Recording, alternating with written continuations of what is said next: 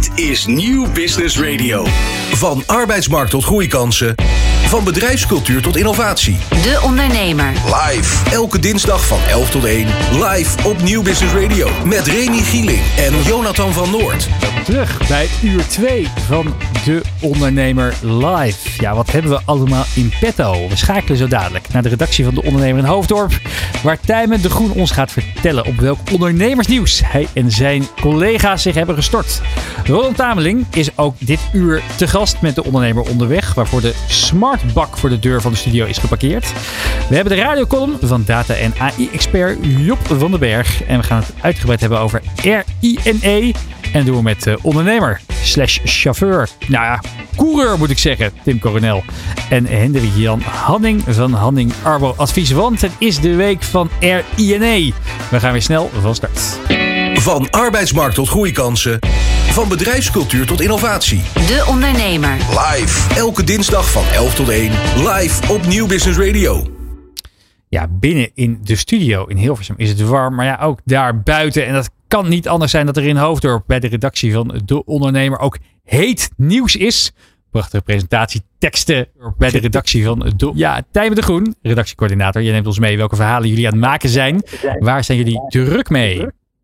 Ja, nee, goeie, goedemiddag mogen we alweer zeggen. Nou, je zegt net, het is de, de week van de RINE, maar het is eigenlijk ook de, de week van de stikstof uh, bij ons.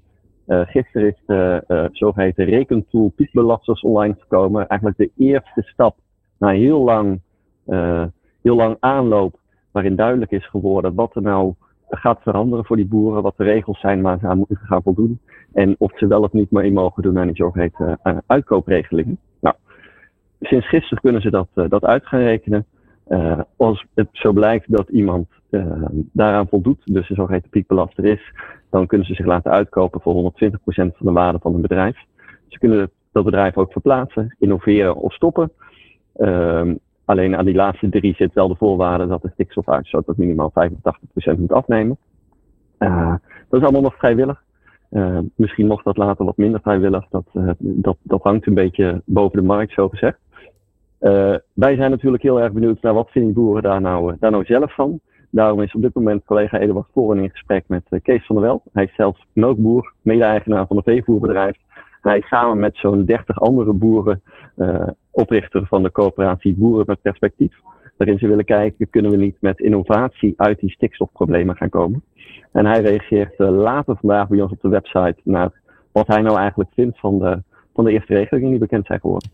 En Tijmen, dit klinkt wel als een, een, een ander verhaal dan wat wij uh, uh, ja, met de omgekeerde vlaggen eigenlijk gewend zijn hè? vanuit, uh, vanuit de boeren. Hoe anders is dit geluid van, van Kees? daarom vind ik het ook interessant om met hem in gesprek te gaan. Hij is er en kritisch en coöperatief in. Hij, wil, hij, hij begrijpt dat er iets moet gaan veranderen. net als heel veel boeren overigens. Uh, waar hij vooral een probleem mee heeft, is de manier waarop er op dit moment gecommuniceerd wordt met ze, of lang met ze gecommuniceerd werd. Uh, en daarom zijn we ook benieuwd naar wat hij er nu van gaat vinden. Ik zou je graag een, een tipje van de sluier doen oplichten, maar ze zijn letterlijk op dit moment met elkaar in gesprek.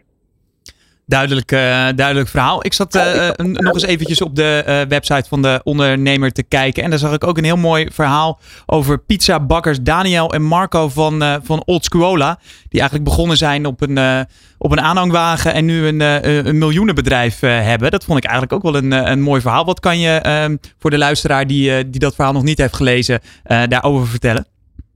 Nou, het interessante daarvan is natuurlijk dat het een een verhaal is dat begint als een jongensdroom. Ze zijn voor, uh, voor een heel klein bedrag eigenlijk begonnen met een, met een foodtruck in de tijd dat dat nog wat, wat minder hip was. Dat je nog wat, wat makkelijker op festivals binnen kon komen. daar hebben ze zich een beetje naar binnen gebluft.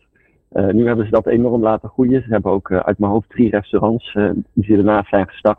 En zij kunnen precies vertellen over hoe het nou is om op een Pinkpop of een Lowlands zo'n foodtruck uit te baten. En hoe, wat voor een enorme business daarachter zit. Ja, want ik denk ook dat heel veel mensen het beeld hebben van, oh leuk, hè, ik, uh, ik heb nog wel eens een vrije zaterdag. Uh, moet ik niet in een oud Volks, Volkswagen busje een pannenkoek bakken en, en dan heb ik een leuk, leuk zakcentje. Zij ontkrachten dat beeld geloof ik ook wel. Hè. Het is echt aanbuffelen of aanpoten, buffelen. Wil je er zoals zij een, een echt een goed lopend bedrijf van maken. Het, het, het, zijn heel veel uren draaien. Het zijn heel veel pizza's maken. Uh, en dan nog meer pizza's maken. En als je denkt, ik ben klaar met pizza's maken, dan moeten er nog, nog meer pizza's gemaakt worden. Uh, dus dat is uh, zeer zeker niet het, het, romantische beeld van bakken even tien. het doet me ook een beetje denken aan die, aan ik ben naar die show geweest, de pannenkoekenkaravaan van Marcel, Marcel van Roosmalen en Gijs Groenteman.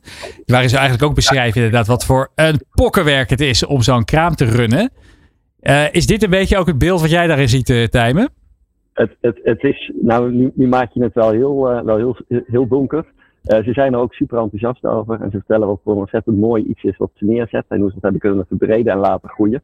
Uh, alleen het is wel een ander beeld dan we gaan even twee uur pizza bakken, inderdaad. Dat, het, is, het is wel gewoon heel hard werken. En dat hoort natuurlijk ook gewoon bij ondernemen. Ik zag het jou ook misschien nog wel een beetje doen in wat, wat, wat, wat, wat, wat, uurtjes naast de, de journalistieke carrière timen. Nooit overwogen? Uh, nou, in mijn studententijd heb ik letterlijk op Lowlands achter een, uh, achter een pizzakraam gestaan. Maar dat is wel, uh, wel even geleden. Dat is echt de, de, de, de eerste en laatste, laatste keer dat je aan die pizza's hebt gesnuffeld op zakelijk vlak. Nou, ik was niet degene die de pizza's daadwerkelijk moest bereiden. Dan waren ze een stuk minder lekker geweest, kan ik je verklappen. Maar wat ik nooit zal vergeten is de, de, de enorme pizza-ovens waar die dingen doorheen gingen. en dan na, ik geloof twee minuten, waren ze aan de andere kant weer, weer klaar. Ja, en uh, Tijmen, uh, dit klinkt eigenlijk wel als, uh, als de start van een, uh, van een mooie zomerserie. Heb ik daarmee, daarmee iets verklapt? daarmee heb je zeker iets verklapt. We gaan bij een aantal, een aantal foodtruckbedrijven langs, omdat we zien dat het een hele interessante, snelgroeiende brandje is, al, al een tijdje natuurlijk. En zeker in de zomer, wat is, er, wat is er mooier dan een verhaal van jongens die met iets heel kleins beginnen en dan een miljoenenbedrijf van weten te maken. Ja, want ik, is dit, ja, dit, dit bewijst dus inderdaad dat er ook nog wat, wat omzet uit te, uit, uit, uit te halen is. Ik heb altijd het idee gehad dat hè, die foodtruckmarkt ook het een beetje sprokkelen is naar de, naar de winsten. Enerzijds moet je natuurlijk, denk ik, veel afdragen aan die locaties waar je misschien wel staat. Je moet... Tot 45 procent heb ik gelezen. Maar de helft van je omzet. Moet je af, afstaan aan, ja. aan, aan degene die dat veldje regelt. Waar je de hele dag door in de hitte daar uh, die pizza's of, uh, mag staan bakken of die koffie mag staan dus schenken. Eigenlijk zit denk ik de winst in, wordt een foodtruck festival. Want dan pak je natuurlijk wel alle, alle omzet en dan hoef je niet naast zo'n hete oven te staan. Ja, precies, dan kan je gewoon eventjes met een, met een lekker drankje over dat terrein heen, uh, heen struinen. Tijmen, wat, wat, wat is jouw idee daarbij? Nou, je, je zegt het enige wat je hoeft te doen is een veldje regelen. Maar wat je natuurlijk eigenlijk als zo'n festival regelt, zijn de klanten voor de foodtruck eigenaar. Ja. Dus dat je daar een bepaalde marge voor af moet draaien, is ook wel wel logisch. Of dat dan 45% moet zijn, daar kun je discussie over voeren. Dat is waar, maar ja, we hebben net in uh, uur 1 gehoord dat als je naar uh, DPG Grow Live gaat, dat je, dat je vervolgens de klant echt bij je op de stoep staan als je eenmaal hebt gevonden hoe je ze moet bereiken. Dus misschien is dat nog een tip voor alle aspirante foodtruck festival organisatoren. Hoe, uh, um, zijn nog andere gave berichten op de site van de ondernemer waar, waar, waar, waar we echt even naar moeten kijken, Tijmen? Uh, nou, ik zou deze vooral aanraden die we net hebben gehad. Die is, uh, die is zeker heel goed. We hebben gisteren ook een fascinerend verhaal gehad over een, uh, over een jongen die Nick heet en die zelf zegt, nou, ik doe helemaal niet zo heel erg veel bijzonders. Maar zijn, zijn eerste bedrijf, zijn eerste website moet ik zeggen, is gestart toen hij 11 jaar oud was. Nou zie je 32 en, en staat hij staat hij zeer hoog op alle rijke mensenlijstjes van Nederland. Ook zo'n verhaal waar je met een glimlach doorheen gaat. Ja, stop met school inderdaad. En ook wat goede tips die hij meegeeft. Hè? Van ga op zoek naar een businesspartner. Probeer het niet allemaal, zelf te doen. Ga ook in gesprek met andere ondernemers. Het liefst die ook een beetje bekend zijn van naam en faam. En uh, uiteindelijk ook uh, wees je bewust van de keerzijde.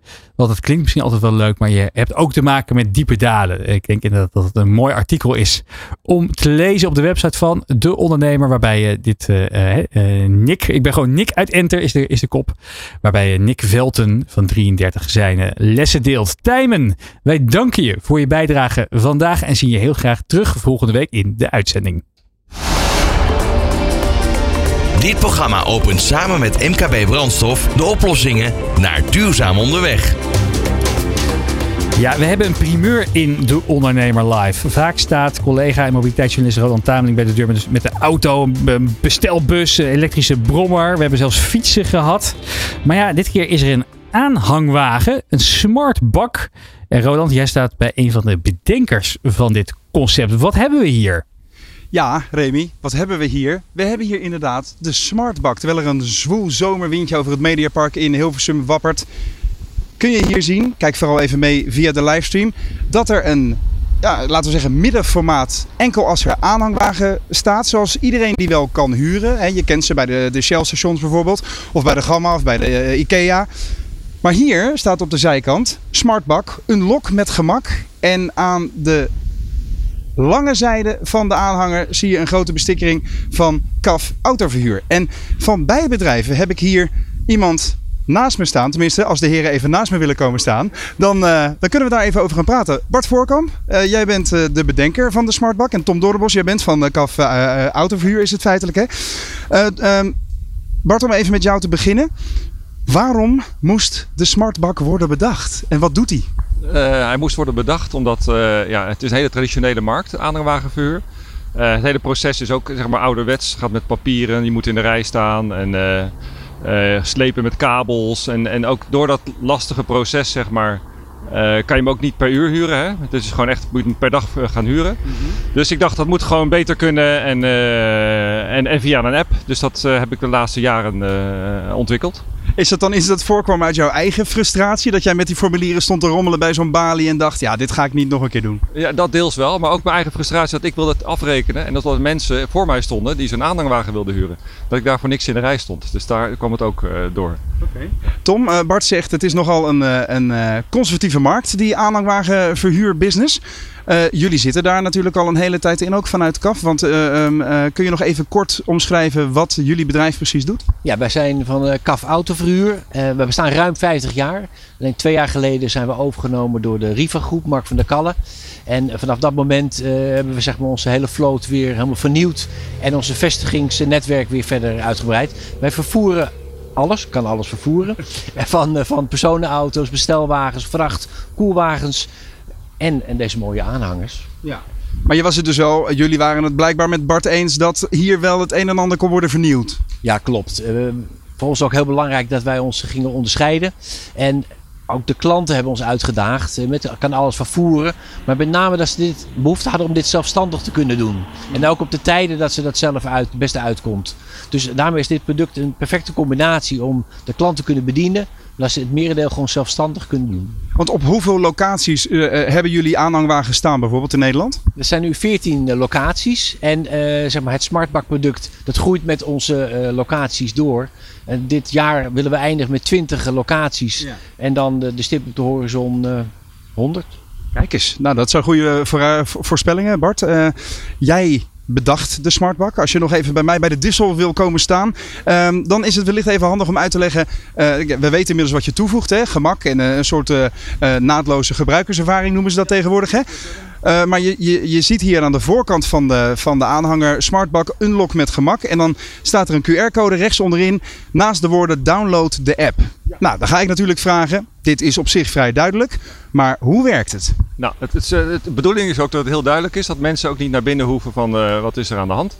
Uh, je downloadt de app met die QR-code. kom je op onze website terecht, laat ik zo zeggen. Dan kan je de app downloaden. Uh, je registreert jezelf heel makkelijk en je maakt een foto van je rijbewijs, zodat we kunnen controleren of je, hè, of je al een rijbewijs hebt. Mm -hmm. En die geldig is ook voor deze aanhanger. Uh, en als je dat gedaan hebt, kom je in een betalingsmodule. Uh, als je gereserveerd hebt dan. En vervolgens, en ik heb het proces alvast door, ik kan hem laten zien als je wil. Ja, heel graag. Ja? Er is niet voor niets een cameraman bij. Ik heb de eerste stappen al even gezet, dus ik heb al reservering gemaakt en mezelf geregistreerd. Dat duurt ongeveer twee minuten. Want je moet jezelf even, uh, dat, dat jullie vanuit, uh, vanuit de achterkant even weten wie ik ben als klant. Juist, wie je bent. Uh, je betaalgegevens moeten worden geregistreerd. En ook voor bekeuringen bijvoorbeeld hè, moet je rijbewijs geüpload worden. Um, nou, vervolgens als je het allemaal hebt gedaan, kan je dus ook navigeren naar de aanhanger die je gereserveerd hebt. En je drukt op ontgrendel. En dan krijg je eerst een schadeformulier. Hè, dus dat je kan aangeven waar de schade op zit. Okay. En ehm, maar hij blijft niet even hangen, denk ik, omdat hij op de verkeerde locatie staat. Altijd traag inter internet op het Mediapark, hè? dat is een probleem hier. Nee hoor. Maar... Oké, okay, dus misschien geen goed voorbeeld, maar het, is, het werkt zo dat je hem terug moet brengen op de locatie waar je hem hebt opgehaald. Mm -hmm. hè? Dus het gaat heel erg nauwkeurig op GPS-gebied, om te voorkomen dat ze hem straks aan de overkant van de straat zetten. Uh, maar het luistert echt op de meter nauwkeurig? Nauwkeurig. Dus ik heb de locatie hier nog niet nauwkeurig kunnen instellen. Ja? Dus hij denkt nu dat hij niet op zijn thuislocatie is, ah. waardoor hij niet gaat starten. Hey, en ehm, eh, op zich, het klinkt allemaal heel, heel logisch en heel eh, soepel in principe. Want je hebt dus ook geen mensen meer achter een balie nodig. Dus ook voor KAF kan ik me voorstellen dat er op termijn locaties komen waar in principe geen personeel staat. Maar waar je voor je klanten heel soepel eh, het materiaal ter beschikking kunt stellen. Ehm, is dat zo? Uh, ja, zeker. Het is, het is ja, nee, misschien meer, een vraag voor, voor Tom, denk ik eigenlijk. Ja, dat is, dat is op zich een hele goede, Tom. Want op het moment dat, er, eh, eh, dat jullie nu op je huidige locaties eh, eh, jullie personeel hebben staan, die inderdaad nog met formulieren aan de gang gaat en dergelijke. eh, wat betekent dat voor jullie bedrijfsvoering, deze, deze smartbak? Ja, de eerste stap is dat wij het product eh, met onze vestiging hebben gekoppeld. Ehm, dus dan verruimen wij zeg maar, onze openingstijden voor eh, onze klanten. Maar het uiteindelijk bepaalt de klant waar eh, het product dient te zijn. Hè. Eh, Het aanbod moet naar de vraag toe. Eh, dus ook in ons plan voor de nabije toekomst is dat wij meer steunpunten ook krijgen als KAF Autoverhuur. Eh, en dat daar ook dan de smartbak beschikbaar zal zijn. Dus ons netwerk wordt groter. Maar het is de bedoeling dat we niet groter worden, maar dat we dichter bij de klant komen. En uiteindelijk is het dan zo dat ja, je gaat altijd nog wel personeel nodig hebben op jullie locaties. Of is dit een begin van een heel andere manier van huren, zou je zeggen? Eh, nee, nee, het zal het personeel eh, eh, niet vervangen. Maar wat we nu kunnen doen is dat wij de, de tijd van ons personeel die we hebben en de resources, dat we die kunnen richten op de klanten die wel extra aandacht nodig hebben en specialistisch vervoer nodig hebben, dat we daar adviezen kunnen geven. En dat wij zeggen, het is nu zo'n simpel product geworden dat de klant hier gewoon helemaal eh, standalone deze dienst eh, kan afnemen. Dus personeel blijft, want dienstverlening als KAF Autovuur, daar onderscheiden wij ons in. En daar is personeel wel een heel belangrijke factor. Maar we kunnen ons personeel slimmer inzetten. Duidelijk. Eh, Bart, ik... Oh, wacht even. Eh, eh, jij, eh, je hebt je... Wat zei je nou? Ik heb de, aanmeet, de, aan, eh, de aanhanger een paar meter verderop gezet. Dus nu denkt hij dat hij wel op locatie is. Oh ja. Dus hier, nou gaat het slot, eh, wordt ontgrendeld. Er gaat een ledbalk eh, knipperen aan de voorkant van de trailer. Eh, wat geeft dit aan? Dat geeft meer aan, want op zich gaat het best wel stil. En mensen denken misschien er gebeurt niks. Dus daarom hebben wij een ledlamp aan de voorkant gedaan. Zodat mensen kunnen zien van er, er is iets gebeurd. En dat hij nu knippert is een signaal dat hij ontgrendeld Hij is. is nu ontgrendeld, nu kan je hem gewoon meenemen. Ja. En eh, terugbrengen gaat andersom. Dan gaat hij ook weer knipperen en dan druk je op, eh, op de vergrendelknop. En eh, je ziet ook hier twee stickers op de dissel zitten. Hè? De, de trailer is locked, GPS tracking. Dus als mensen denken, hé, hey, ik, ik neem hem eventjes mee, dan is dat überhaupt niet mogelijk. Alles is mogelijk, maar dan komt, heb je een piepende aanhanger achter je auto die met geblokkeerde remmen zwarte strepen op straat trekt. Dus eh, dat kan wel, maar dat is niet echt handig. Het wordt wel spectaculair voor het beeld, maar dat moet je niet willen inderdaad. Hey, en eh, even over jullie klanten, want eh, Smartbak is dan nu op de markt en eh CAF Autovuur is, is een van de eerste klanten. Ehm, heb je al andere mogelijke potentiële afnemers van jouw product en, en hoe reageren zij? Nou, zeker. Wij praten natuurlijk met bedrijven in de markt, hè, zoals tankstations, bouwmarkten en dergelijke. Die zijn allemaal natuurlijk erg enthousiast over het concept. Maar ze willen natuurlijk eerst zien hoe het werkt. hè, en of het echt wel in de praktijk ook, eh, of er geen kinderziektes in zitten. En eh, dat is ook een reden dat wij met KAF zijn gestart ook. Eh, want Mark van der Kal, eigenaar van Riva, die is ook participeert in dit project. Een van de grootste ja, dealermagnaten zou je kunnen stellen van Nederland. Ja, ja dus hij investeert, of, participeert hier ook in. Dus wij, dit is ook voor ons een pilot om te kijken van wat gaat er in de praktijk gebeuren. hè. Het zit nu een paar jaar in mijn hoofd, het idee. We zijn twee jaar bezig geweest met de ontwikkeling van de hardware, van de software. Eh, ook dat de app een aantal stappen doorloopt waardoor je als klant geen verkeerde dingen kan doen. Hè. Dat je niet mogelijk met die kabel aan de auto nog weg kan rijden bijvoorbeeld. Dat zijn allemaal dingen die zijn uitgesloten. Dus dat heeft echt heel veel tijd aan ontwikkeling gekost. Eh, Wat was dan de grootste hobbel die je hebt moeten nemen om dit op de markt te krijgen in dat proces? Nou, de grootste hobbel is uiteindelijk een aanhanger is een, is een passief ding wat achter een auto hangt. En hij, doet- hij doet niks zelf. Hij- de lichten gaan alleen aan als je hem aan de auto koppelt met de stroomkabel. Dus we moesten eigenlijk van iets wat passief en, en een beetje dom zeg maar is, moesten wij een, een intelligent apparaat maken. Nou eh, ben ik met, eh, met Hendra eh, aanhangwagens in contact gekomen. En zij waren al bezig met de aanhanger zelf wat meer sensoren te geven. Ja. Hè, bijvoorbeeld bandendruksensoren en dergelijke. Ik had het slotsysteem al ontwikkeld. Dus eh, we hebben de koppen bij elkaar gestoken en gezegd van joh, laten wij dit, die twee, deze twee zaken bij elkaar knopen. Eh, en dat ook voorzien van een verhuurplatform. En daarvoor hebben wij, eh, daar is de markt trouwens ook redelijk traditioneel nog in, in verhuursystemen. Ja. We hebben gelukkig contact gekregen met Rentvisie. En die hebben voor ons dus het software gemaakt en, en de app gebouwd. En dat hele software gebeuren, dat was dus de grootste hobbel, begrijp ik. Uh, en ook wel de hardware eigenlijk hoor. Normaal, we gaan echt voor veiligheid. Dus we willen echt wel voorkomen dat mensen fouten maken en dat er iets misgaat. Dat bijvoorbeeld de aanhangwagen midden op de snelweg op slot gaat. Hè? Ja, ja, ja. Dat soort zaken. Dat moet echt helemaal uitgesloten worden. Duidelijk. Ja, je moet, je moet wel een foolproof systeem hebben, ja.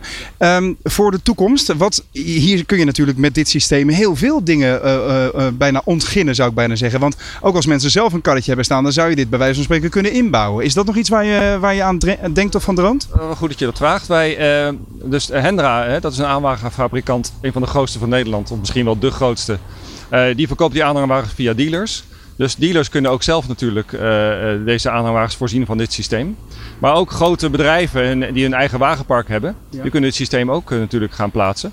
Zodat zij meer de kilometrages kunnen bijhouden van de aanhangers. Ook weer die bandendruksensoren en dergelijke zodat zij een beetje meer grip krijgen op hun vloot, hè, als, als fleetmanager zeg maar. Dus zelfs een domme aanhanger, zo gezegd, krijgt een datapunt, wordt een datapunt binnenkort. Uh, Tom, als jij even bij mij aan, uh, aan deze kant zou willen komen staan van de Dissel, van de Smartbak, uh, ben ik even benieuwd naar het productaanbod, ook van, vanuit CAF. Wat hebben jullie nu staan op het gebied van de Smartbak? Uh, dit is het model wat we hebben staan. En we hebben eigenlijk nu gewoon één smaak. En uh, wat is de afmeting hiervan? Ja, jullie weten dat altijd, hè? Technische vragen, dat, uh, dat is voor mij vals. Dan ga ik gelukkig met Bart. 4,5 meter?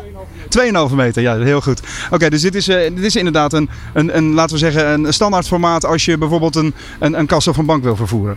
Klopt. Dit is, is voor een particulier uh, heiligt in het doel. Uh, we hebben ook particulieren die uh, dan graag nog even in het weekend naar de stort willen. Omdat de tuin is opgeruimd of het mhm. huis is mhm. opgeruimd. Maar we krijgen ook zakelijke aanvragen. Want wij vuren ook veel personenbussen.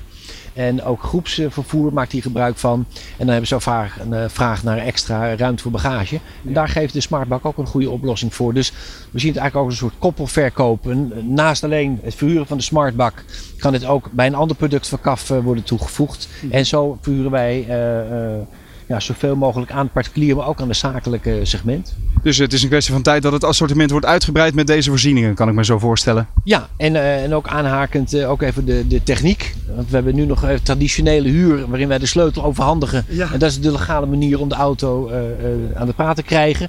Maar ook zien wij de techniek, hè, waar Smartbak dan ook symbool voor staat, mhm. dat uh, wij ook meer richting uh, eh, 24-7 eh, verhuur. Dus tijdens openingstijden, persoonlijke dienstverlening. En zegt de klant, ik wil na openingstijd mijn eigen tijd kiezen. En ook de duur van de huur. Is dat ook mogelijk met de bussen van uh, Autoverhuur. dat is natuurlijk die flexibiliteit, kan ik me voorstellen, dat dat voor de klant ideaal is. Bart, ik kom nog eventjes naar jou. tot slot willen we natuurlijk de prijzen weten. Want jij zei net al heel trots tegen mij, deze kan je per uur huren. Dat is, een, dat is al een, een, eh, een verbetering ten opzichte van de gangbare manier van aanhangerverhuur. Wat betaal ik hiervoor? Uh, eh, 15 euro inclusief BTW voor 1 uur. En dat gaat dan op tot, als je een hele dag huurt, is het dan een marktconform tarief eigenlijk. Mm. Alleen ja, het voordeel van ons systeem is dat je ook in het weekend en, en door de week uh, een uur kan huren. En dat kan bij andere aanbieders niet. Dus dan moet je per se een hele dag huren, terwijl je misschien maar een uurtje nodig hebt. Mm-hmm. Dus sowieso kan je bij ons veel goedkoper uit zijn, omdat je ja, voor 15 euro huur je hem. Zo word je dus disruptor in de aanhangerverhuurmarkt. En dat hebben wij bij de ondernemer onderweg. Heren, ik dank jullie hartelijk voor je komst. Bart Voorkamp van Smartbak en Tom Doornbos van KAF Autoverhuur, maar dus ook aanhangerverhuur. Dankzij MKB Brandstof weet je weer meer over de toekomst van mobiliteit voor ondernemers. Het kan altijd makkelijker dan je dacht. Dit is De Ondernemer live op Nieuw Business Radio. Data- en AI-expert Job van den Berg staat ondernemers, leiders en professionals van bedrijven van groot tot klein bij om hun bedrijf meer data- en AI gedreven te maken. En iedere week deelt hij bij De Ondernemer Live zijn tips en trucs. Vandaag gaat het over hoe creëer je eigenlijk een innovatiecultuur. Om kunstmatige intelligentie succesvol te implementeren in je bedrijf is draagvlak binnen de organisatie van essentieel belang. Om dit draagvlak te krijgen zijn twee dimensies relevant. Enerzijds kennis over data, anderzijds enthousiasme en motivatie om met data en AI aan de slag te gaan. Deze twee dimensies resulteren in vier typen medewerkers, die je ieder op een andere manier mee moet laten nemen in de AI-reis in jouw bedrijf. De eerste groep, de data-ambassadeurs. Deze medewerkers hebben zowel kennis en zijn enthousiast over de mogelijkheden die data en AI bieden. Geef hen een podium om de kansen van AI te delen en te promoten binnen het bedrijf, zodat ze anderen kunnen inspireren. De tweede groep, de datatalenten. Deze groep is enthousiast over de kansen die AI kan bieden, maar heeft nog beperkte kennis. Bied hen opleiding en training aan zodat ze hun kennis kunnen uitbreiden en leren hoe ze AI in de praktijk kunnen toepassen. De derde groep, de datapuristen. Zij beschikken over veel kennis over data en AI en zijn echte experts. Toch zijn ze vaak sceptisch en zien ze beren op de weg. Ze voelen zich soms wat bedreigd dat anderen zich met hun expertisegebied gaan bemoeien. Laat deze groep in gesprek gaan met dataspecialisten van andere bedrijven en zet ze in als experts binnen je organisatie. Dan de vierde, de laatste groep. Dit zijn medewerkers met weinig kennis en weinig enthousiasme over data en AI. In plaats van je energie direct op hen te richten, focus eerst op de andere groepen. De sceptici zullen uiteindelijk aanhaken als de rest van de organisatie overtuigd raakt van de kansen die AI biedt. Zorg ervoor dat je medewerkers actief betrekt bij de kansen die AI voor jouw bedrijf kan bieden. Een heldere AI-business case is belangrijk, maar zonder draagvlak onder medewerkers zul je uiteindelijk niet ver gaan komen. Betrek hen op de juiste manier en laat AI voor je werken. Succes! Ja, we hoorden data- en AI-expert Job van den Berg. Remy, jij uh, gaat op, uh, op dagelijkse basis uh, de boer op samen met Job met het, met het AI-verhaal. En ja, dan kom je eigenlijk dagelijks bedrijven tegen die er wat mee willen doen. Mijn vraag is eigenlijk, welke sectoren willen echt wat met AI gaan doen? En welke sectoren zie jij die er echt nog wel wat mee moeten doen, maar het nog niet doen? Ja, ik denk als je kijkt naar het onderwerp automatisering, data, kunstmatige intelligentie, dan heb je het uiteindelijk onderaan de streep over drie ja, eh, drie facetten waar je als ondernemer aan zou kunnen denken.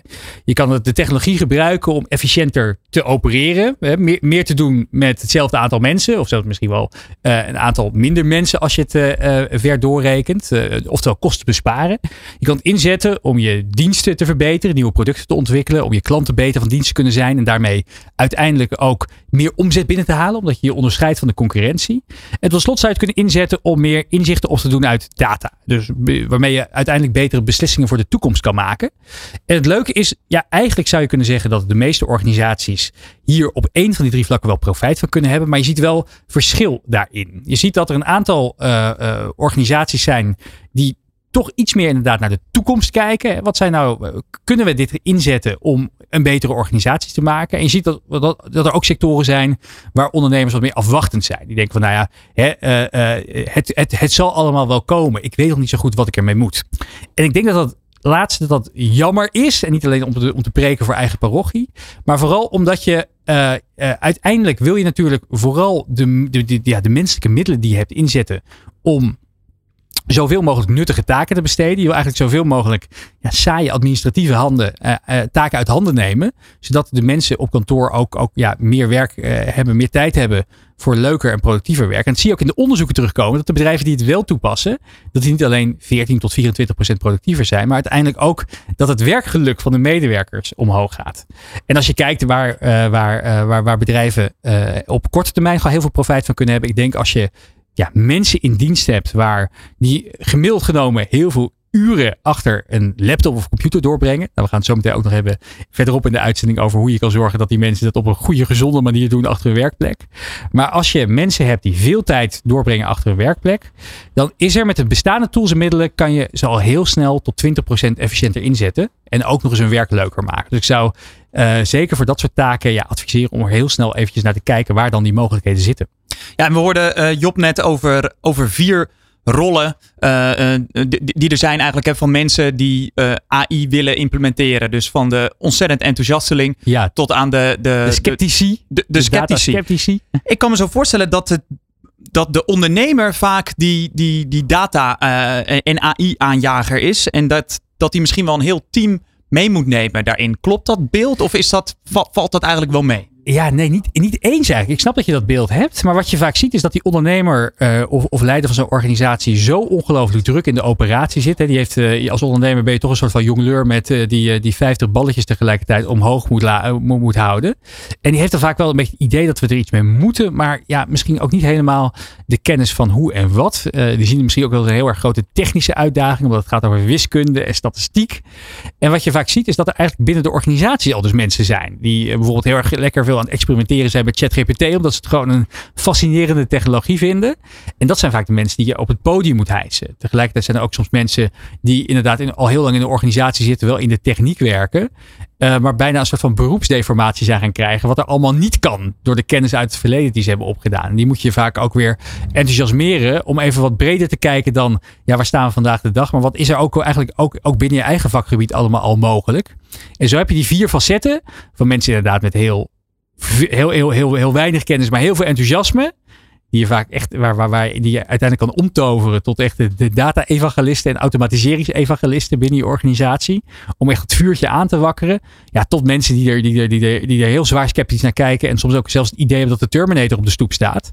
Ja, daar, die, moet je, die moet je gewoon uh, goed bijpraten. En ook inderdaad wel overwogen luisteren naar hun, uh, naar hun ja, bezwaren. En Remy, ik, ik volg jou op LinkedIn. En dan zie ik je voorbij komen dat je bij een, een grote bank uh, een, een, uh, um, een sessie houdt over, over AI tot verzekeraars en noem het allemaal op. Echt, het, zijn grote bedrijven, maar jij bent vast ook met MKB'ers in gesprek. Kan jij het verschil aangeven in de vragen die bijvoorbeeld MKB'ers juist hebben ten opzichte van die, ja, even mijn woorden, Zuidas bedrijven? Ja, ik denk dat die grote, die grote bedrijven zijn heel erg op hoog strategisch niveau ermee bezig. Dus hoe kunnen wij inderdaad, de, de, die hebben veel, veel, veel middelen beschikbaar ook wel. Dus die kijken veel meer naar hoe kunnen wij die juiste teams gaan samenstellen. Hoe kunnen wij misschien wel de data wizards, ja, dat, dat, dat, dat, dat automatiserings- en, en, en, en data AI echt binnen bestaande teams gaan injecteren. Terwijl MKB-ondernemers veel meer zitten op, ja, we hebben gewoon heel veel processen binnen onze organisatie die volgens mij niet helemaal, uh, die niet efficiënt, uh, uh, niet, niet optimaal efficiënt lopen. Kan je nou eens in kaart voor me brengen, inderdaad, hè, van het proces als je gaat kijken naar de klantenservice? Wat, wat doet iemand op zo'n dag op de klantenservice afdeling? Hè? Wat van, van, van, van, van uur tot uur? En wat voor handelingen moet zo iemand uit, uit, uh, uitoefenen? En dan zal je zien dat binnen al die handelingen die worden gedaan, er zeker een aantal, zeg, zeg 40%, dat die ondersteund kunnen worden met algoritmes ofwel helemaal worden overgenomen. Zodat die mensen inderdaad meer tijd hebben om bijvoorbeeld wat langer met een klant aan de lijn te hangen. Of een keer persoonlijk proactief naar een klant op te bellen om te kijken hoe het gaat. En of ze nog tevreden zijn met het bedrijf. En dus die uren die vullen zich uiteindelijk wel. Dus de angst inderdaad dat iemand zijn baan weg, weg zou worden geautomatiseerd, die is niet zo relevant. En, en, en tot slot, als we die vergelijking met, die, met, een groot bedrijf en een MKB'er uh, blijven maken. Uh, bij welk bedrijf zie je dan eigenlijk sneller de uh, potentie van AI ook echt in de, in de praktijk? Welk bedrijf kan het een soort sneller implementeren? Ik denk dat de het, het grote profijt zal er enerzijds zitten bij die grote bedrijven, omdat ze, ja, als je eenmaal die, die, die als je voor, je hebt, je hebt duizend medewerkers in je organisatie en je laat ze allemaal 20% efficiënter werken. Nou, dat is natuurlijk het aantal extra uren wat je beschikbaar hebt gekregen om aan je grote doelen te werken, is, is, is ongekend.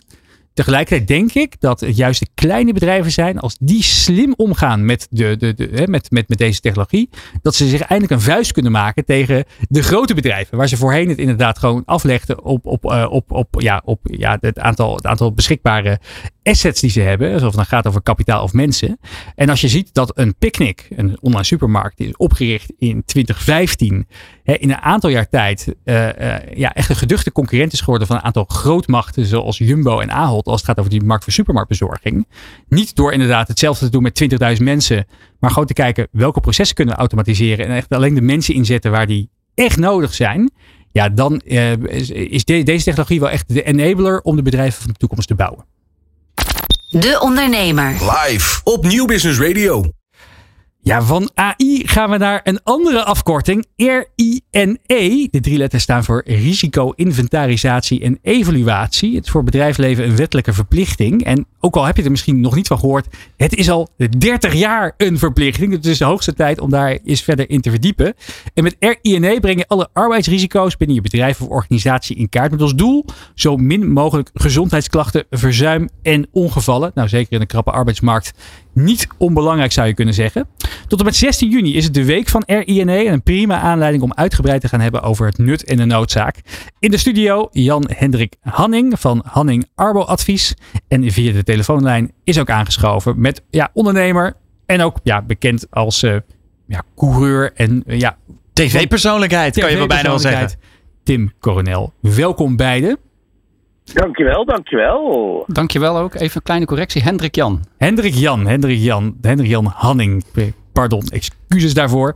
Hendrik Jan, om bij jou te beginnen. Je hebt een eigen arbo- en adviesbedrijf. Je bent dubbel gecertificeerd, hoger veiligheidskundige en arbeidshygiënist. Hele mond vol. Hoe leg je dat uit op verjaardag en partijen? ja, dat is een goede vraag meteen.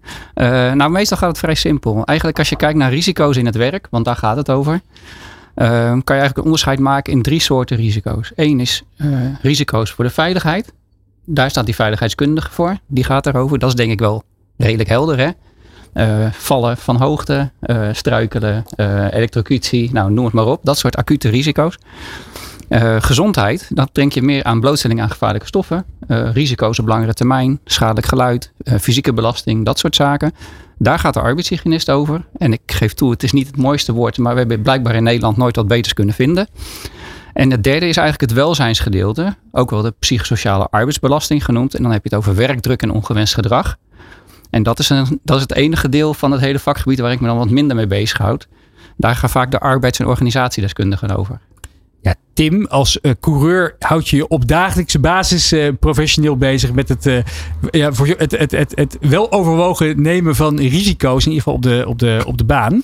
Tegelijkertijd ben je ook ondernemer. Je hebt met, met, met familieleden onder andere een indoor kartbaan. Ik kan me voorstellen dat je ook als ondernemer ja, je toch ja, wat voorzichtiger wil omgaan met die risico's. Zeker als het gaat over ja, veiligheid van medewerkers. Hoe hebben jullie dat gedaan? Nou ja, helemaal in de tijd van tegenwoordig moet je natuurlijk zoveel mogelijk doen voor de, voor de medewerkers. En uh, om ze in ieder geval um, te ontzorgen en te zorgen dat alles goed veilig is. Want als je een onveilige situatie hebt, dan rennen ze sowieso de tent uit. Dus op dat vlak vind ik het als ondernemer een hele logische kwestie. Daarentegen durf ik wel te zeggen, 25 jaar geleden toen ik daar een beetje mee geconfronteerd werd, dacht ik, moet dit? Maar aan de andere kant kan je ook zo eh, zien, als ondernemer zie ik het nu als een, als, als een leidraad voor mij om, om voor handvaten. Ja, ik, ik ben er alleen maar blij om dat die handvaten er zijn. Dus ik zou bijna zeggen, alle ondernemers, ja, pak ze beet. Want het helpt je uiteindelijk om te zorgen dat de werknemers het meer naar hun zin hebben. Uh, dus dus je, je wordt gewoon ontzorgd. Ja, zo dadelijk wil ik ook heel graag weten hoe, hoe jullie dat onder andere op, uh, op, uh, bij jullie bedrijven hebben ingericht. Hendrik Jan, het bestaat dus al inderdaad nou, bijna 30 jaar. Het, uh, het, het, het concept RINE. Tegelijkertijd, we hebben ook onderzoek gedaan op LinkedIn. 38% van de ondernemers geeft aan dat ze bij die ja, paar, paar, paar, paar, ja, paar letters zeggen RINE. Waar hebben jullie het in vredesnaam over? Mensen bij de ondernemer. Kom jij dit ook nog steeds tegen in je werk? Nou, als de mensen mij eenmaal weten te vinden, dan hebben ze die eerste stap denk ik al gezet. Dus, uh, uh, maar nog even als aanvulling in de Arbo-balans, die wordt jaarlijks door TNO uh, opgesteld. Ehm, daar, daarin staat, of daar komt uit in 22, 2022 dat 55% van de bedrijven een risico-inventarisatie heeft en er is nog steeds 45% niet. Dus daar kan je positief naar kijken. We zijn aardig op weg. Glas half vol. Maar precies, sinds 1994 zijn we al bezig. dus er is nog een hele weg te gaan. En op zich hoeft die niet ingewikkeld te zijn. En uh, uh, dat is denk ik waar we het zo meteen ook wat verder over gaan hebben. Ja, wat, en wat, wat, wat Tim ook al zei. Je kan eigenlijk vrij makkelijk. Ja. Um, kijk, je hebt eigenlijk uh, drie, soort, drie mogelijkheden om een risico-inventarisatie te doen. En het moet wel vanuit de ondernemer zelf komen. Uh, dus hij wordt niet gebracht. Dus, dus ergens moet het belletje gaan rinkelen van hey, mijn mensen zijn belangrijk, wat net ook al genoemd werd. Um, ik wil zorgen dat zij uh, veilig, gezond en prettig kunnen werken. Um, dan is het handig om uh, mijn risico's in kaart te hebben. En uh, wat er in de afgelopen jaren best wel ontwikkeld is, zijn heel veel goede brancherie-instrumenten. Um, dat zijn er ik heb vanochtend even geteld, dat zijn er 190. die zijn te vinden via rie.nl, rie.nl. En, en, en, als, je, als je in een branche zit die een uh, lid bent van een branchevereniging die ook een brancherie heeft en die goedgekeurd is, dan kan je heel makkelijk uh, nou ja, dat openen, inloggen en, en, vragen gaan beantwoorden. En dan krijg je op een hele makkelijke manier Met, met insight informatie uit de branche kan je eigenlijk al je risico-inventarisatie maken. Wat voor risico's moet ik dan aan denken? Nou, ik noemde net al die veiligheidsrisico's. Um, nou, het, en een paar grove voorbeelden. Het meest voorkomende ongeval is namelijk gewoon nog steeds struikelen en vallen. Dus wat, wat thuis ook uh, uh, het meest voorkomend is. Maar het is ook nogal brancheafhankelijk. Dus als je inderdaad een indoor kartbaan hebt, dan uh, vind ik aanrijdingsgevaar misschien wel een dingetje. Ja. Maar aan de andere kant denk ik dat dat ook, uh, maar goed, daar kan Tim beter wat over vertellen. Ik denk dat dat ook zeer goed beheerst is. En dat er zelden iemand wordt geraakt door een kart. Maar dat is een kwestie van risico's beheersen. Maar dat is zo'n risico wat heel specifiek is. Ja, laten we daar heel eventjes naartoe gaan. Want ik ben inderdaad wel even benieuwd naar, die, naar, naar een paar, paar specifieke voorbeelden. Ik denk dat wij hier in de studio op het Mediapark eh, hopelijk weinig kans hebben om, om geraakt te worden door een, door een voertuig. Hoewel er net een BMW toch wel aardig hard een stoepje op kwam rijden hier achter ons om, de, om de kar aan te, aan te leggen. Tim, hoe is dat op de kartbanen geregeld? Nou ja, in principe heb je natuurlijk, uh, is, is, is natuurlijk zo ingericht dat, uh, dat, dat ze je nooit kunnen raken. Dus de baan kun je in principe niet verlaten als karter zijnde. Ja. Daarentegen ben je als, als uh, ja, voor de veiligheid ben je socialist in een baanvak bezig. Nou, wat wij dan doen is altijd eerst baanvak veiligstellen. Dat wil zeggen, er wordt, komt een gele vlagsituatie. Naar aanleiding daarvan moeten mensen in principe van hun gas af. Nou, moeten in principe, hoorde je me al zeggen. Je wil niet van je gas af, hè? je wil lekker gas houden, want je bent lekker aan het scheuren, Ja. dat soort dingen.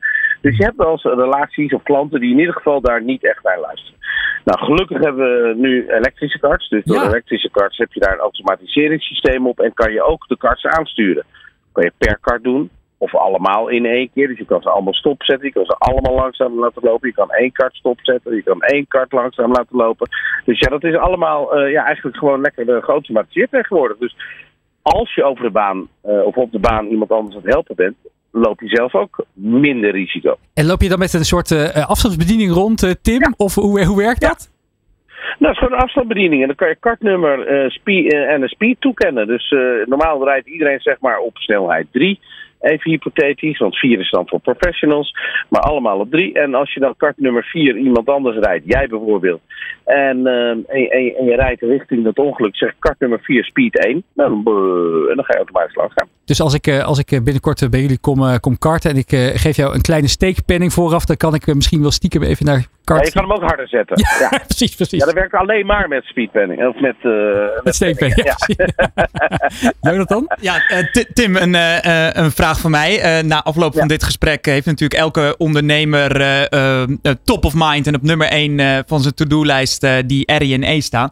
Eh, aan de andere kant denk ik dat het voor personeelsleden misschien helemaal niet eh, eh, zo logisch klinkt. hoe heb jij je personeel toch hierin meegenomen? Nou ja, kijk, ik ben, gelukkig, ik ben heel veel de werkvloer. En als je veel de werkvloer bent, dan wil je, wil je ja, jezelf ontzorgen, maar ook je personeel wil je ontzorgen. Nou, met zo'n RINE je, het is heel makkelijk. Ja, nee, ja, nee, hé. Even kijken, hey, jongens, hoe zullen we dit oppakken? Zo en zo, is dat handig? Ja, dan pak je hem door en weer gaat naar de volgende. Dus als je gewoon één keer per jaar eigenlijk met iedereen een beetje probeert een gesprek te voeren, of in ieder geval de vragen neerlegt, ja, dan komt het antwoord daar ook wel uit. En dan kom je altijd tot een efficiënte oplossing. En de, eh, kijk, om, om ondernemers mee te nemen, dan is toch altijd de beste prikkel is een financiële prikkel. Heb jij een voorbeeld Ja. van hoe, hoe een RINE bijvoorbeeld jou ook geld heeft opgeleverd? Nou, long-term eh, zeker. Ik bedoel, eh, je, je krijgt automatisch minder verzuim, de werkdruk gaat eraf. ehm, eh, er zijn wel eens bepaalde situaties in het verleden waarvan ik denk, nou ja, wat stom dat we dat niet eerder hebben aangepast. Maar die is naar voren gekomen door de RINE. Zoals? Eh, eh, stoelen, zithoudingen, eh, bureau, ja, dat soort zaken. Wat denk je van de uitlaatgassen, Tim? Dat hebben we niet meer, want wij zijn elektrisch. Maar Dat dat, dat, dat is wel een heel groot ding geweest in het verleden Precies. natuurlijk. Maar eh, ja, ik durf ook bij te zeggen, ja, wij zijn elektrisch gaan rijden, niet puur voor de uitstoot. Wij hebben het gedaan omdat we gelijkheid wilden voor onze klanten. Eh, want een elektrische kart kan je gewoon even hard laten gaan ten opzichte van elkaar. En een combustion engine, een gewone motor, kan dat niet. Dus in dat traject eh, is ja, geluk bij een ongeluk of andersom. Geluk bij geluk. eh, dus ja, we hebben elektrische karts. Dus ja, we hebben de uitstoot niet meer. We kunnen nu op afstand bedienen. We kunnen nu alles automatisch, dat hij langzamer gaat rijden. Of dat ze automatisch stoppen. Allemaal dat soort zaken. Ja, dat, dat, dat is nu ja, automatisme. Hoe, ehm, eh, als je kijkt, eh, Hendrik Jan, dat eh, als ondernemers dan inderdaad beginnen aan zo'n traject en ze komen een aantal ja, toch dingen tegen die, die, ze, die, die, die, die, die aangepast zouden kunnen worden om een beetje veiliger te werken met elkaar. Moet je dat dan ook gelijk stand P oppakken? Of wat, wat, wat zijn daar de richtlijnen voor? Nee, dat hoeft niet stand te peden. Dat, dat lukt ook niet altijd. Hè? Ehm, soms gaat het gewoon om grote investeringen. waarmee je heel veel kan bereiken. Ehm, soms is ook niet per se een betere arbeidsomstandigheden het doel. Zoals Tim dat aangaf als voorbeeld. Maar valt er met investeringen enorm veel te realiseren. Wat dat betreft is die AI-discussie eh, natuurlijk super interessant. Ook voor betere arbeidsomstandigheden. Ehm, juist de langdurige, eenzijdige werkzaamheden gaan mogelijk verdwijnen. Dus dat is super interessant ook vanuit, het, vanuit dat perspectief. Dus werk wordt boeiender, wordt interessanter, completer. Ja. Ehm, maar een risico-inventarisatie en evaluatie bestaat in eerste instantie uit het inventariseren. Welke risico's zijn er allemaal? Eh, heb oog, kijk breed. Ehm, fysieke belasting, werkdruk. Eh, werkdruk is de belangrijkste verzuimfactor in Nederland hè, voor ziekteverzuim. Ehm, dat is inventariseren. Vervolgens kijk je van welke zijn nou het belangrijkst. Dat is evalueren. Welke, welke zijn het belangrijkst voor de gezondheid? Waar zitten de grootste risico's? En de derde stap is dan dat je een plan van aanpak maakt. Of een actieplan. eh, waarin je aangeeft van, of waarin je bedenkt van nou, eh, eh, deze gaan we inderdaad, dit is hoog risico. Dit gaan we op korte termijn aanpakken. Of wacht even, nee, we hebben hier nog een ander risico. Wat voor veel meer mensen speelt. Waar de investeringen lager in zijn en wat we sneller kunnen realiseren. Die plannen we eerder. Dat plan van aanpak hoort bij die risico-inventarisatie. Uiteindelijk ga je daarmee aan de slag. En wat mooi is, is als je dat periodiek laat terugkomen, bijvoorbeeld minimaal jaarlijks. Even kijken van hoe staan we ervoor, wat hebben we gedaan, wat kunnen we nog doen. Eh, liggen we op schema, zijn er nieuwe ontwikkelingen in het bedrijf, waardoor misschien ook de risico-inventarisatie weer iets moet aanpassen, of je plan van aanpak moet aanpassen. En Hendrik Jan, eh, ook even voor de luisteraar die denkt van ach, mijn bedrijf eh, met twee personeelsleden, die zal hier vast niet onder vallen. Dit is, dus, dit is dus echt verplicht vanaf één werknemer om dit eigenlijk jaarlijks in kaart te brengen. En je kan er ook, als me niet vergis, zelfs een boete voor krijgen als je dat niet doet. Kan je dat uitleggen? Eh, dat klopt. Eh, vanaf meer dan 40 uur mensen in dienst moet je een risico-inventarisatie gaan hebben. En wat ik al aangaf, ga vooral googlen. eh, kijk op rie.nl of week van de rie.nl. Ehm, of bij de Kickstart Rie. Maar dan word je ook op pad geholpen om daar mee verder te gaan. En ja, de arbeidsinspectie, de Nederlandse arbeidsinspectie, die eh, handhaaft op het hebben van risico-inventarisaties. Dat doen ze niet heel streng in de zin van dat ze eh, echt alle ondernemers eh, vragen om hem op te sturen. Maar steekproefsgewijs gebeurt dat wel steeds meer. En aan welke boete moeten we dan misschien denken om het toch even het, het vuurtje op te stoken? Die hangt heel erg af van de grootte van het bedrijf. Ehm, en, en afhankelijk van de reden waarom er een overtreding is. Dus bij een ongeval eh, is er vaak iets niet in orde. Dat is eh, in, volgens de arbeidsomstandighedenwet. Dan komt die risico-inventarisatie erbij. En als die er dan niet blijkt te zijn, is dat een extra boeteverhogende factor bijvoorbeeld. Dus dat is een beetje lastig te zeggen. Maar ja, het gaat snel over vele duizenden euro's. Maar ja, eh, eh, dat kan dus heel erg oplopen. En het is natuurlijk gewoon zonde van het geld. Want als je er bewust mee omgaat, kan het je zelfs geld opleveren, hebben we net gehoord. Precies. Hey Tim. Ga ik je eh, het, ja, sorry? Het, het levert ook echt geld op. Hè? Laten we dat even vooropstellen. Want er komt een hele andere vorm van workflow, efficiency, komt er automatisch uit. Ja, nou ja, zeker. En ik denk ook hè, vanuit het eh, oogpunt van goed werkgeverschap lijkt me ook niet, eh, niet onredelijk om, eh, om dit als, als dit, dit in ieder geval voor, je, voor alle medewerkers die zich dag in dag uit voor je, voor, je, voor je inzetten om dit geregeld te hebben. Maar Tim, jij, jij, naast jouw kartbaan heb je ook nog eens een, een Vebo en een Daily France. Je bent een druk bezet man. Hele andere tak van sport. Hè, wat voor, wat voor, wat voor RINE's kunnen we aan denken bij dat soort, eh, bij dat soort eh, ja, eh, branches? Nou ja, laat ik het zo zeggen. Dan zit je natuurlijk meer in, aan de horecakant. Uh, dus dan ga je kijken naar looproutes. Uh, je bent natuurlijk aan het braden of aan het bakken of met vet bezig. Dus daar let je op. Je let op houding. Ehm, ja, ja dat, dat is eigenlijk waar je dan heel erg mee bezig bent. Dat soort gevaren. Maar ondertussen, die gevaren, die, als je die RINE doet, dat zijn gewoon vraag en antwoord die je uh, doet, dan kom je al die dingen automatisch tegen. Ja. Dat is ideaal aan die RINE. Je wordt gewoon, het wordt gewoon aangereikt. Dus Ik zou bijna zeggen, ik hoorde net 45% van een Nederlandse bedrijf die niet doen. Hé hey jongens, het wordt je aangereikt. Pak een beetje hoor, het is easy. Nou ja, precies. Want je hoeft er niet zelf inderdaad te gaan, gaan rondlopen te denken. Goh, wat zou er eventueel in een hypothetisch scenario kunnen gebeuren? Het is gewoon een checklist natuurlijk die je, die je afgaat. Waar je even kan denken, oh ja, hier, hier, moet, hier zou ik aan kunnen denken. En het klinkt ook als een heel mooi moment om met je personeelsleden in gesprek te gaan hierover. Om te kijken, wat leeft er nou op de werkvloer? Want hoe werkt dat, Tim? Dus dan, uh, hoe, hoe, hoe, reageren mensen hierop als jij weer uh, aankomt met je jaarlijkse RINE-vaandel uh, op de maandagochtend? Nou, Nee, ik ben dan verantwoordelijk voor de RINE zelf. Dus, dus ik vul hem zelf in. En zelf stel je de prioriteiten samen. Ja. Uh, en, en, en het wordt, elk jaar wordt het minder. Hè? Dus dat is het mooie eraan. Tenzij er een hele grote situatie weer verandert. Maar, um, dus je gaat continu. Eigenlijk doe je dit proces dagelijks met je personeel. Want je wil dagelijks zorgen dat de efficiëntie uh, op de goede manier is. Dus ja, dat, uh, ik, ik, ik, ik vind het een no-brainer um, als ondernemer om, om het te doen. Mag ik aanvullen? Ik denk dat het ook heel goed is om. Uh, want je doet het samen hè, met de medewerkers. Met de, uh, ja. hè, dus uh, zij hebben een hele belangrijke rol in, in veiligheid. In veilig gedrag, in signaleren van dingen. Zij weten beter hoe het zit op de werkvloer ja. dan de ondernemer zelf soms. Um, dus, dus het is heel goed om, uh, en dan hoef je niet het hele, dat hele RIE-document uh, erbij te halen en uit te printen en weet ik wat allemaal. Maar, maar ga gewoon eens een keer met elkaar met een bakje koffie er even over hebben. Van hoe gaat het nou? Hoe, hoe veilig werken we? Wat hebben we zo al in de planning? Wat vinden jullie belangrijk om, uh, om aan te pakken? Waar lopen we tegenaan? niet letterlijk dan, hè? Um, ook ook ja. echt een ding, vind ik altijd. Kleding, zei je?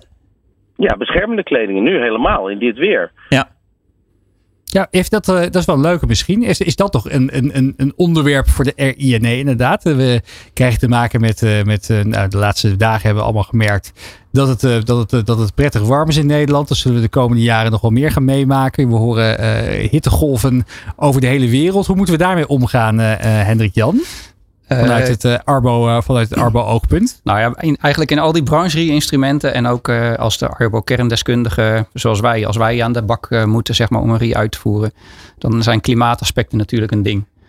Um, nou, ik reed vanochtend naartoe en mijn airco is kapot in de auto. Nou ja, ook die auto hoort bij de armsomstandigheden. Dat is ook wel een interessante. Um, ja, en dat het warmer wordt uh, qua klimaat. Ja, sommige branches hebben, of, of, of uh, uh, groepen hebben, hebben daar meer last van dan andere. maar dat is wel degelijk iets om rekening mee te houden. Denk bijvoorbeeld aan aantal uren wat per dag gewerkt wordt. Tropenrooster komt bij mij naar boven. de planning van de werkzaamheden. Uh, doe bepaalde dingen niet op warme dagen, maar doe dan uh, juist andere dingen die, uh, die niet in de volle zon hoeven. Begin een uurtje eerder misschien en met tussenmiddag even pauze. Precies, dus er zijn best wel veel mogelijkheden. En ondertussen, dat is het dat grappige van de risico-inventarisatie, die doe je natuurlijk ook weer niet iedere week. Of, hè, dus op het moment dat wij nu in deze hitte op pad gaan, is het ook nog handig om even naar de gladheidsbestrijding te kijken. Tim, je spreekt natuurlijk ook heel veel met andere ondernemers. Ook door jullie landelijke bekendheid is uh, komen denk ik een mede ondernemer bij jullie aan de deur kloppen voor allerlei gevraagde en ongevraagde adviezen. Hoe, ja, uh, ja hoe, tegen wil en dank misschien ook al af en toe ingezet als uh, ondernemersorakel in dat opzicht. Hoe uh, wat, wat, wat, voor, wat voor tips geven ze je mee hierover? Want ja, we horen inderdaad net dat niet iedereen dit uh, bovenaan zijn prioriteitenlijstje heeft staan. Nog na deze ja, uitzending is dat natuurlijk volledig veranderd. Ja. Hoe geef jij... Nou, en, ja, als ondernemer in deze tijd wil je natuurlijk sowieso goed ondernemerschap. Wil je naar voren brengen bij, als je met veel werknemers werkt. Dus um, het is natuurlijk een dingetje. Hè? Personeel, goed personeel is moeilijk te vinden. En als je ze hebt, moet je ze natuurlijk echt omarmen en, en, en, en, en knuffelen op dat gebied. Dus ja, dat kan je heel goed doen om met die RINE samen aan de slag te gaan. Om voor hun een, een veilige, goede uh, en leuke uh, omgeving te creëren. En daardoor blijven ze dan ook langer. Nou, dat is natuurlijk nu sowieso ook een belangrijk dingetje. Uiteindelijk ontzorgt het je als ondernemer. Dus nogmaals, ik zou uh, rjne.nl zou ik vol gas invullen uh, en, en daarmee aan de slag gaan. En echt, je, je gaat er alleen maar blij mee zijn. Ja, en dan is denk ik uh, de week van de RNA, die dus nog loopt tot en met 16 juni, een heel mooi startpunt uh, om in actie te komen. Dat lijkt me ja. ook. Hendrik Jan, heb je nog famous last words voor de kijker en of luisteraar? Wat, wat, wat zou jij doen vanuit jouw jarenlange kennis en ervaringen over dit onderwerp? Nou, ik denk dat de belangrijkste dingen echt wel genoemd zijn. Uh, dus die brancherie-instrumenten, verken ze vooral. als je nou toch eh, daar niet mee uit kan, ehm, eh, omdat je of niet bij een branche hoort, of omdat die eh, eh, nou ja, misschien nog niet goedgekeurd is. Maar goed, daar hebben we het nu verder niet over gehad. Maar eh, de meeste brancheinstrumenten zijn dat wel. Maar stel dat je toch eh, eh, daar niet eh, mee kan werken. ehm, betrek dan op tijd een arbokerndeskundige. Ofwel, zoals ik, als, eh, als eenpitter of, eh, of, of adviesbureau. Of van een arbodienst. Want daar zijn er natuurlijk ook heel veel van. En er zijn heel veel ondernemers gelukkig ook bij aangesloten. Eh, maar betrek dan een arbokerndeskundige en overleg vooraf even wat de handigste manier is. Want dan voorkom je ook aan, de, aan het einde ellende als die ar- arbokerndeskundige dan pas gaat meekijken. En volgens mij had je toen eh, we net even in de pauze elkaar spraken, ook eh, nog wat eh, tips en arbo-tips en adviezen voor de werkplek van onze videoman Frank, hè, die hier naast ons zit. Maar ik, ja, ik heb een beetje medelijden met het kleine tafeltje waarop hij al zijn techniek heeft staan. We gaan eh, hem eh, helpen gezond, eh, gezonder te ondernemen. Dat doen we na de uitzending. Ik wilde nog één tip meegeven aan de kijker en luisteraar voor deze week van de RINE. Dat is namelijk de site die het ministerie van SWZ beschikbaar heeft gesteld. Een kickstart eigenlijk. Drie korte video's en drie korte op- opdrachten die ondernemers helpen om een goede start te maken met hun RINE. Als je het nog niet gedaan hebt, dat kan gratis via weekvanderie.nl aan elkaar natuurlijk. Hendrik-Jan Handing, eh, Hanning van eh, Hanning Arbo Advies en ondernemer. En coureur Tim Coronel, dank voor jullie toelichting vandaag. Graag gedaan. De Ondernemer. Live op Nieuw Business Radio. Ja, en dan zijn we alweer aan het einde gekomen van deze ja, eclectische mix van onderwerpen die we vandaag hebben meegemaakt, eh, Jonathan. Ja, zeker weten. Het is jammer dat ik geen eigen bedrijf had. Anders eh, was ik nu al in actie gekomen om een RINE te gaan eh, faciliteren. Ja, voor deze tips en natuurlijk nog veel meer mooie ondernemersverhalen kan je altijd even kijken op deondernemer.nl. Volgende week zijn we weer terug met een nieuwe De Ondernemer Live. Met een nieuwe ondernemende gasten, met een nieuwe co-host. En ik kijk er ontzettend naar uit om hier weer opnieuw te gaan zitten. Samen met jou, Jonathan. Ik ben iets eerder weg volgende week. Dus het laatste stukje zal je alleen moeten doen. Dan kan je daar alvast mentaal op voorbereiden. Dat gaat vast helemaal goed komen. Ik weet het zeker dat het helemaal goed gaat komen. Dankjewel en heel graag tot volgende week. Van arbeidsmarkt tot groeikansen. Van bedrijfscultuur tot innovatie. De Ondernemer. Live. Elke dinsdag van 11 tot 1. Live op Nieuw Business Radio.